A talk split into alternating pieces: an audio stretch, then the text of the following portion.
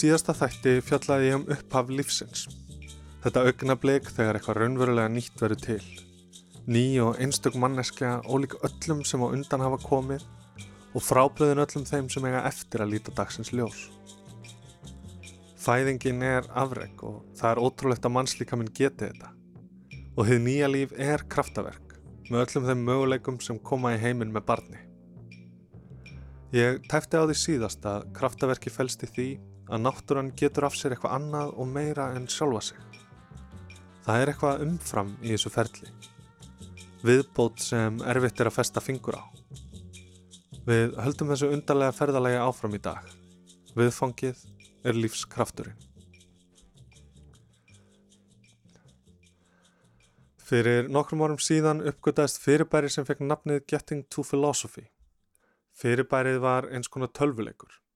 Ekki í hefðbundum skilningi þar sem leikur er þróaður af hugbúnaði fyrirtæki, heldur fannst hann bara á víðavangi nettheima. Leikurinn gengur út á það að fara á alfræðibókina Wikipedia og finna sér grein af handahófi.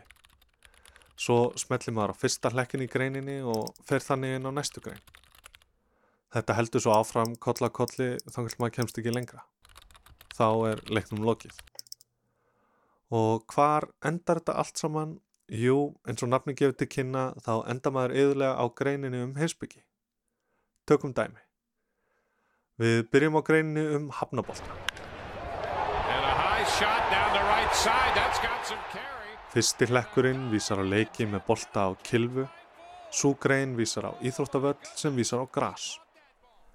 Þaðan likur leiðin í gegnum innkýmblöðunga til blómstrandni plantna til kýmplantna þaðan um líf til efnisleira hluta og um eðlisfræði, náttúruvísindi, vísindi, þekningu, staðrindir, upplýsingar, runu, starfræði, magn, eiginleika, nútíma heimsbyggi, loks til heimsbygginar sjálfrar.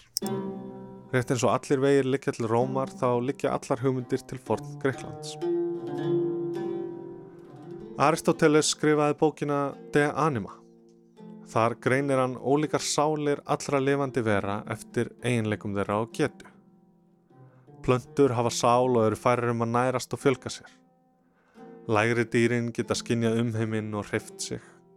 En maðurinn er aðstaveran að sjálfsögðu. Færum allt hitt auk þess sem hún býr yfir vitsmunum og skinnsemi. Við skulum ekki gleyma því að manneskjan er emitt animal. Vera sem felur í sér anima á grísku núma. Vindin, góluna, loftið, andadráttin, andan. Kanski er heimurinn allir úr vatni eins og ég sagði síðast en þá er lífið úr lofti. Annars eðlis.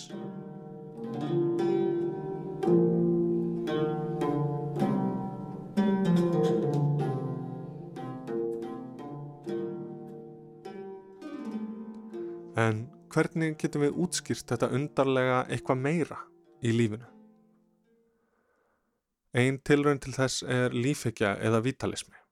Það er trúin á að lifandi verur sé grunninn frábröðnar ólifrænum hlutum vegna þess að það er búið verið einhverjum óefnislegum eiginleika eða lúta öðrum lögmálum en lífana hlutir. Þetta lögmál er stundum kallað lífsneistinn, lífskrafturinn eða jafnvel elan vital. Þetta eitthvað meira. Lífhyggjan misti gildi sitt sem kenningum líffræði. Hún gæti ekki svara spurningunum um hvernig hlutinir eru. Hún stóðst einfallega ekki aðtöðanir. Franska leikskáldið Molière hendi grína lífhyggjunni í leikritinu Ímyndanavíkin þar sem skotturlagnir nokkur segir að opium svæði fólk vegna svæfandi krafta þess. Með sama hætti mætti skýra það að vatsi blöytt vegna vassleika þess. Og er þá ekki óttaleg vittlisa að segja að lífið sé levandi vegna lífskraftsins? Sama hvað þú leita lengi þá finnur þú aldrei eitthvað meira. eða hvað? Franski heimspengingurinn Henry Bergson var kannski síðasti alvöru vitalistin. Hann sá þann galla á vélhuginu sem er enn svo ríkjandi að hún getur ekki gert grein fyrir þeim skapandi krafti sem býr í þróuninni og lífinu öllu. Ef eitt leiður af öðru eftir fyrirframgefnum lögmálum, hvernig verður þá nokkuð tíman eitthvað nýtt til? Þetta kraftaverk sem lífið er. Heildin er gefin fyrirfram. Rétt eins og ef við ímyndum okkur allt stefni að einhverju fyrirframgefnu markmiði. Fullkomnun á himninum eða endalók sögunar. Lífskrafturinn er það sem allt líf á sameiginlegt. Sköpunarkrafturinn er lífinu eiginlegur, skýrir bæði samfellu alls þess sem er á lífi og fjölbreytileika þeirra vera sem hafa þróast á jörðinni.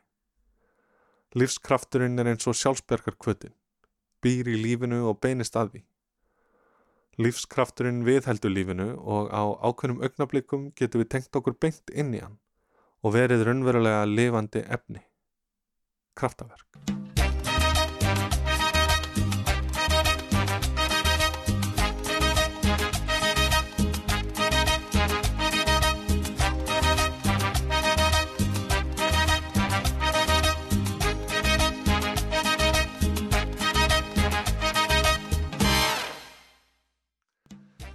Til að sjá hvort ég geti fundið hennan lífskraft þá sló ég að þráðin til Jóns Inga Þorvaldssonar. Hann er eina af þessum manneskjum sem er alltaf við það að springa úr orku og það er einlega sama hvað hann tekur sér fyrir hendur, hann nær alltaf árangri og hættir aldrei. Jón Ingi hefur til dæmis orðið Íslandsmeistari í karate og körtu kapakstri, dansa salsaðum allan heim og spila í fjöldarumvöldum og hljómsutum. Hann var stattur í Dominíska liðveldinu þegar ég spurði hver galdurinn væri á bakvið þetta allt saman. Það er svona bæði blessun og bölvun, sko, þetta verður svona mörg hobby. Ég hef gríðilega mörg áhugamál og svona reyna að sinna kannski of mörgum stundum á sama tíma og þá fer stundum bara allir tímin í það.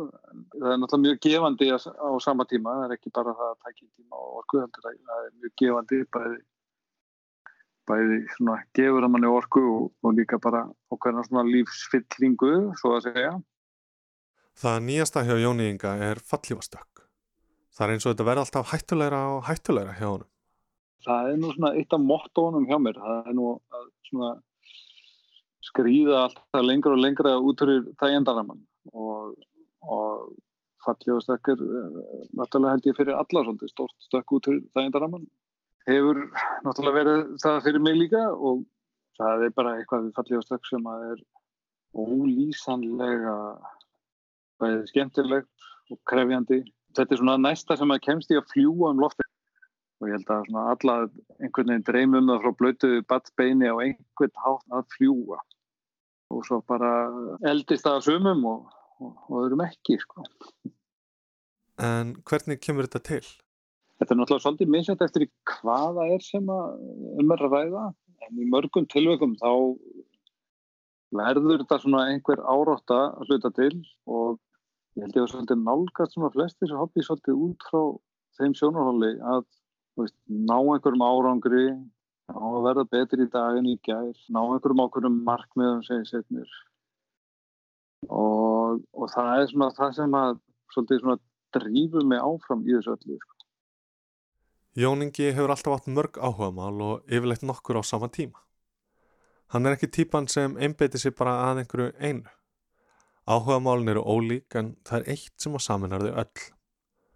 Þau fá hann alltaf til þess að stiga út fyrir þægindaraman reyna á sjálfan sig og mörkin og vika þau út? Ég hef leitað svolítið í hluti sem að sem að svona toga með þessu út fyrir þægindaramann og svona vika, bæði vika sjóndeldringin og, og eins og segi vika svona þægindaringin og allt þetta er eru hlutir sem að sem að sko hafa ekkert endilega leið sérstaklega vel fyrir mér. Hafa ekkert endilega verið eitthvað auðveldir. Og veist, þetta, þetta hafa allt verið svona talsverðar áskoranir og og hérna og eitthvað sem að mér hefur ekki tundist endilega þægilegt að byrja á eða takast á eins og til dæmis ef við tökum bara dansin sem dæmi, ég aldrei þá er ég aldrei dansa neitt og, og það einhvern veginn að fara að dansa einhvern svona paradans lág alls ekkert fyrir mér og var, og var ekkert auðvelt þanniglega sko. þannig að, að mér fannst það bara skemmtileg tækifæri til að prófa eitthvað nýtt og síðan svona hvernig dætt maður inn í þetta bara mörg ár ég held að allir sem að gera þetta meðvitað hljóti að finna einhverja svona einhverja svona hvað maður segja? Uh, bara maður, maður svona vaksi á einhvern hátt eh, sem einstaklingur og persóna og, og, og já bara svona eins og ég segi, bæði vikar sjóndeldarhingin og, og það að að takast á við einhverja svona áskorðanir uh, e, það gerir manni síðan bara auðveldar að takast á við aðrar áskorðanir Þetta er eins og vöðvi sem hægt er að þjálfa verður sífælt sterkari. Það að vera svona virkur að setja sér sífælt ný markmið og áskoranir tekur mikinn tíma og orku allur frítími er undirlegaður áhuga málunum en það gefur hins vegar miklu meira en það tekur. Annars væri hann ekki aðeins þetta er bæði aðdánavert og inspirerandi en það er kannski ekki á allara færi að haga lífi sínu svona. Ég held að það sem í rauninni allir hafi einhverja þörf fyrir að vera svo dögt að takast á við einhverjar áskoranir sko.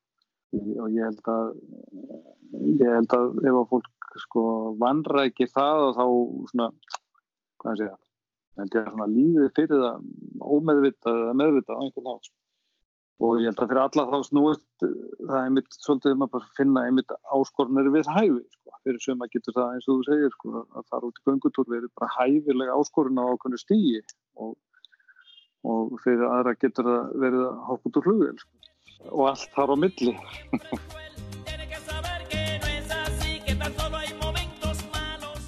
Eftir samtalið við Jóninga þá er ég vissum að ég hafi komist í snertingu við lífskraftin Hann er óaþreifanlegur en ég skil betur hvernig hann virkar. Lífskrafturinn er þessi orka sem getur vaksið og sprottið af sjálfur sér. Minna eins og skinseminn, hugsuninn og allt það sem við teljum manninum eiginlegt. Kannski meir eins og planta. Við rétt skilir þið ef aðinni er hlúð þá verður hún stærri og meiri, gefur af sér og fær tilbaka.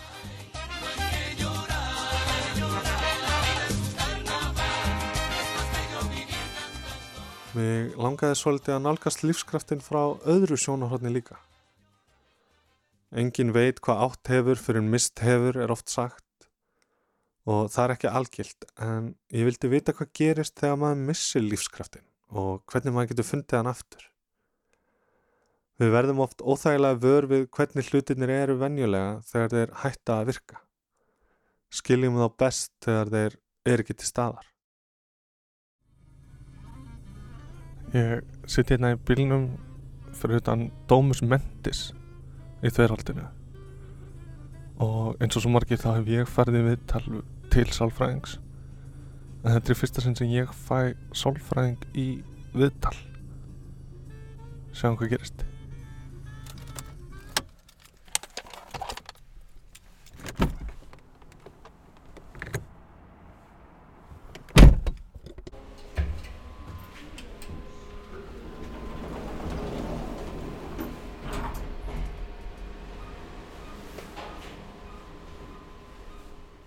Það er enginn hérna í móttökunni senda henni bara skilabóð.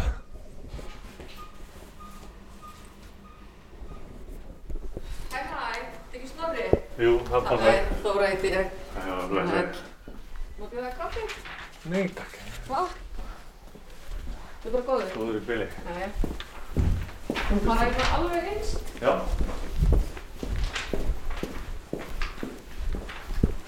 Ég sko, var að hanga á Facebook þegar þú sendir mér skilabóður.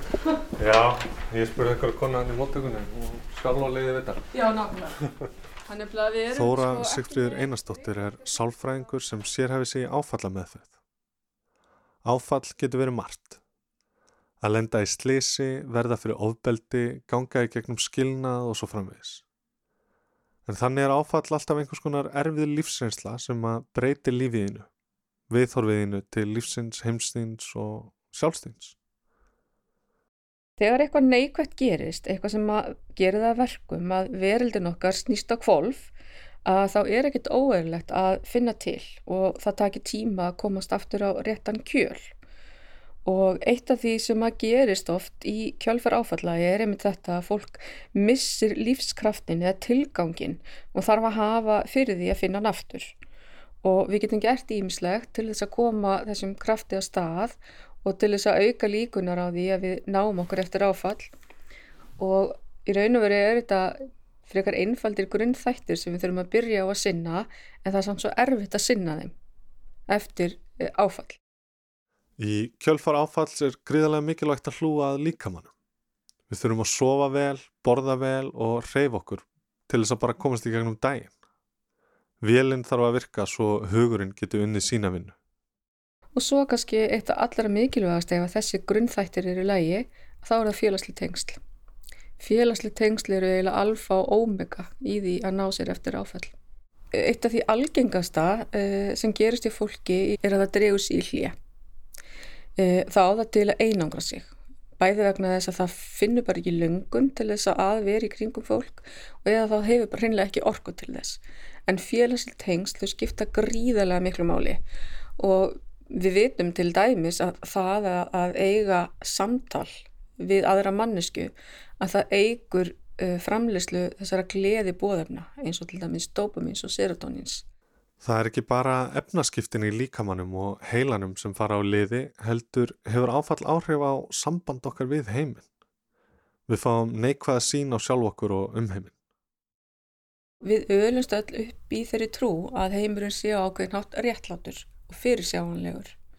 Og það skiptur svo sem engu, þetta verður ekkert með trú að bröða að gera, heldur að við, við erum þannig gerð að við erum alltaf að reyna að sjá samhengið á milli orsakar og afleðingar. Þegar við verðum fyrir áfalli að þá raskast þessi trú að, að gott komið fyrir góða og slæmt fyrir, fyrir slæma og kannski ef þú bara manneskja sem hefur gert allt rétt, lendir allt í einu í einhverju gríðarlega erfiðri lífsreynslu og þá re viltu reyna að skilja akkur það kom fyrir.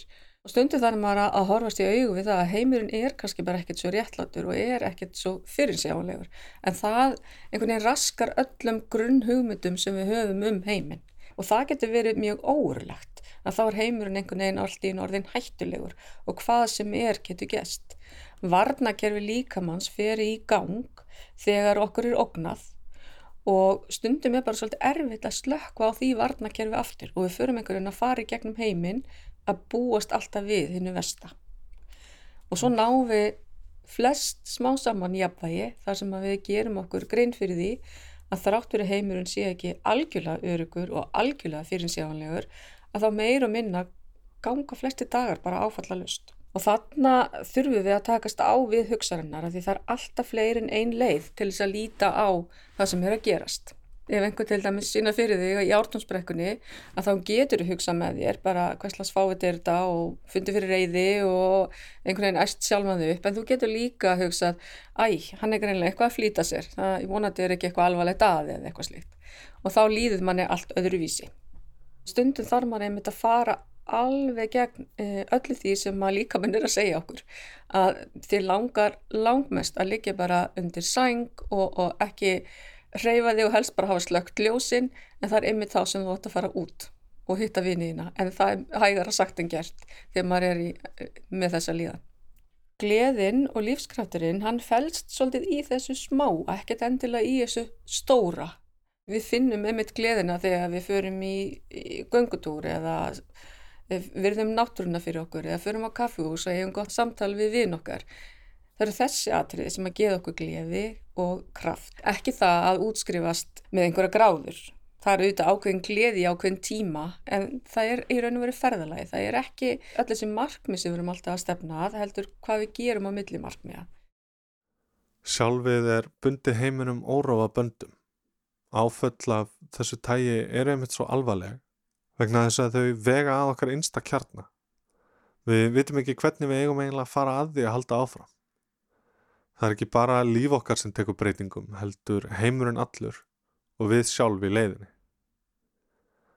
En beinið vex sterkast þar sem það brotnaði. Manneskjan er ótrúlega þrautsi og getur komið tilbaka eftir ótrúlega áföll og einhvern veginn að þá tekst okkur að aðla okkur að nýjum aðstæðum og veruleika og takast á við hann. Og áföll verði mitt oft til þess að við endur skoðum hvernig við erum að lifa lífinu. Og oft á, verður ákveðin vöxtur í kjölfar áfalla. Og við lifum lífinu e, meira í samræmi við það sem gefur okkur gleði. Gleðina sem gefur okkur þá lífskraftin á meðan áður að þá hérna, liðu daganir kannski að þess að við nýttum þá eins og hérna, maður gerir oft eftir áföll. Við höfum heyrt þessi sögur þegar fólk fyrir gegnum erfiðareynslu eða erfið veikindi að þá stokkar það upp lífsitt og, hérna, og fer einhvern veginn að lifa því allt öðru í sig og þá væri óskandi að fólk gerði það án þess að verða fyrir áföll. Þetta veikum með okkur von og sínir hversu sterk mannskefnan er. Hversu langt við getum gengið í því að ná tökum á líf okkar, gera gott úr hlutunum en það er því miður ekki alltaf tilfellið. Sumir eiga erfiðar en aðrir með að vinna á reynslu sinni. Já, varna viðbröðum þeirra, uh, það er slok, slokningi og þeir farið myndi gegnum sko, lífið eins og það sé svo hættulegt að allt getur gæst og alla líkur er á því að eitthvað slæmt gerist líka. Man getur meira sér að fengja lofstein í hausin en það er ekkert rosalega líklegt að það gerist. Áfallið sviftir svolítið hulunni einmitt af hvernig heimurinn er í raun og veru. En eins og ég sagði á þann að þá eru all flesti dagar sem að líða án áfalla. Það er einmitt krafturinn sem við þurfum að finna innra með okkur að kom, hvernig við ætlum að komast í gegnum erfiðar aðstæður. Og manneskjan er ótrúlega þrautsi og hún getur aðlaga sig að ótrúleustur hlutum og samt fundi gleði og samt einhvern veginn lifað og auðvitað hérna, þekkjum við líka kannski flest dæmi e, frá því fólki sem var í útrýmingabúðunum í setni heimstyrjöldinni en sagði samt einhvern veginn frá í mitti í allir þeirri eind að þá upplýðu fólk samt sem áður stundum sko samheldni og gleði og, og svo framvegis. Þannig að manneskjani er ótrúlega þrauti. Sunna Skram, ljósmóðunemi sem ég rætti við í síðasta þætti, myndist líka á þessa seglu. Það getur verið gott að skoða hvernig við höfum tekist á við erfiða hluti þegar við stöndum frammi fyrir stóru og ókvælnilegu verkefni. Sunna og Þóra eiga það sameinlegt að hjálpa fólki að finna eigin kraft og getu. Þegar maður verður fyrir áfalli og þarf einhvern veginn endur sko alla sínar hugmyndir um heiminn að þá getur það bara verið svo mikið áfall að hérna að svona lífskrafturinn einhvern veginn slöknar að þú ferð að finna fyrir deburðarenginum og þú ferð að hafa neikvægt viðþorf uh, gagvart sjálfum þér uh, og öðrum og, og framtíðinni og finnur bara ekki þennan tilgang til þess að fara fram úr, til þess að hitta fólk og svo framvegis. Þannig að við þurfum að beita þessum aðferðum til þess að kveikja aftur á þessum krafti. Stundum eins og maður segi þarf maður að íta bíl í gang til þess að hann fara á stað. Og við þurfum stundum bara að íta okkur sjálfum í gang. Og við getum það ekki alltaf einn eh, við þurfum stundum bara að fá hjálp til þess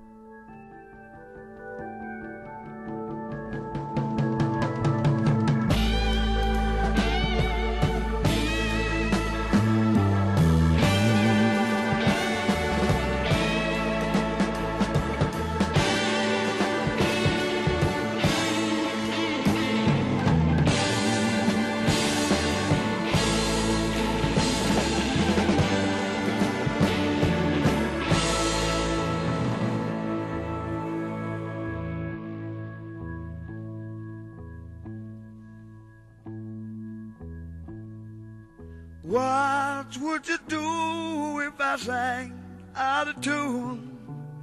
Would you stand up and walk out on me? Lend me your ears and I'll sing you a song. I will try not to sing out of key. Yeah. Oh, baby, how do I? All I need is my brother. I say I'm gonna get high.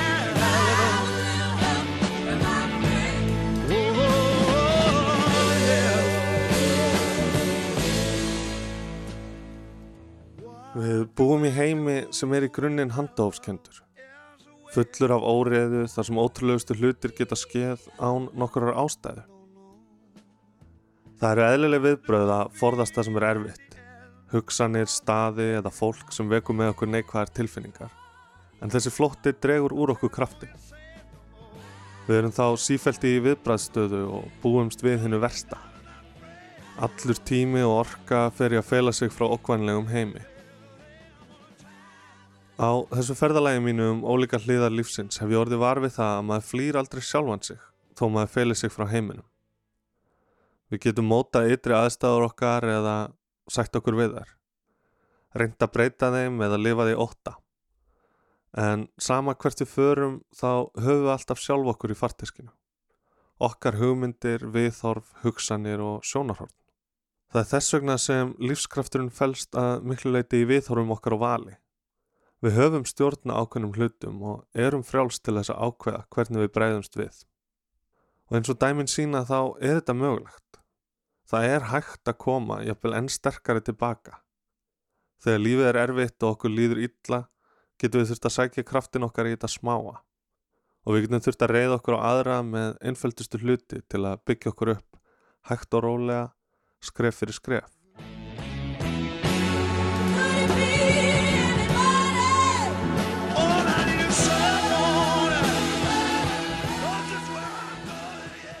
Ég myndist á þróunarkenninguna í ingangi þessa þáttar. Lífekja Henry Bergson var leið til þess að skýra sköpunarkraft þróunarinnar og lífsins sjálfs. Önnur lögmál gilda um lífið en dauða hluti og þess vegna verður eitthvað nýtt til. En lífekjan skýrir ekki neitt, svona vísindalega séð. Þróunina má auðveldlega útskýra bara með því hvernig DNA virkar í gegnum ótal handháfskendar breytingar á erðaefni lífvera á þróunin sér stað. Eitthvað lifir af, annað ekki. Það þarf ekkert annað og meira að liggja að baki. En enga síður verður eitthvað meira til og lífekjan er eðlilegt viðbræð til þess að skýra það. Hún er byrtingamind þessara viðleitni til þess að skilja allt og gefa hlutunum merkingu. Ég viðkenni það að ég vissi ekki alveg hvað ég ætlaði að gera þegar ég byrjaði að fjalla um lífskraftin. Mér fannst hugmynd Bergson spennandi en ég sé hann ekki ganga upp. Viðmælendur mínir töluðu ekki þannig um lífskraftin og lífikjan á kannski betur heima í sögubókum á hyllum bókasafna en sem raunveruleg lífsbyggi. En ég hef auðvitað mínar hugmyndir. Eftir að hafa rætt við Jóninga og Þóru er ég sannfærður um að lífskrafturinn er ekki aðna úti. Hann flæðir ekki gegnum okkur heldur gistlar frá okkur. Það er rétt að það gilda önnur lögmál um lífið en aðra hluti og það er vegna þess að maðurinn er merkingargefandi vera. Við erum frjáls því að lögmál efnisheimsins ná ekki utanum veruleikan allan. Kraftaverkið sem lífið er felst einmitt í þessu og lífskrafturinn kemur þaðan. Þegar við endur tökum þetta kraftaverk. Setjum okkur markmið sjálf stjórnumst ekki af ytri aðstæðum heldur veljum lífið og það sem það hefur upp á að bjóða. Í næsta þætti beinum við sjónum okkar að þessum samanlega heimi sem við tökum öll þátt í að skapa, þar sem okkar lögmál og lífskraftur ráða för. Dauðin fær loksinn sinn tíma þegar við veltum fyrir okkur lífinu eftir dauðan hér á jörðinni. Takk fyrir að hlusta.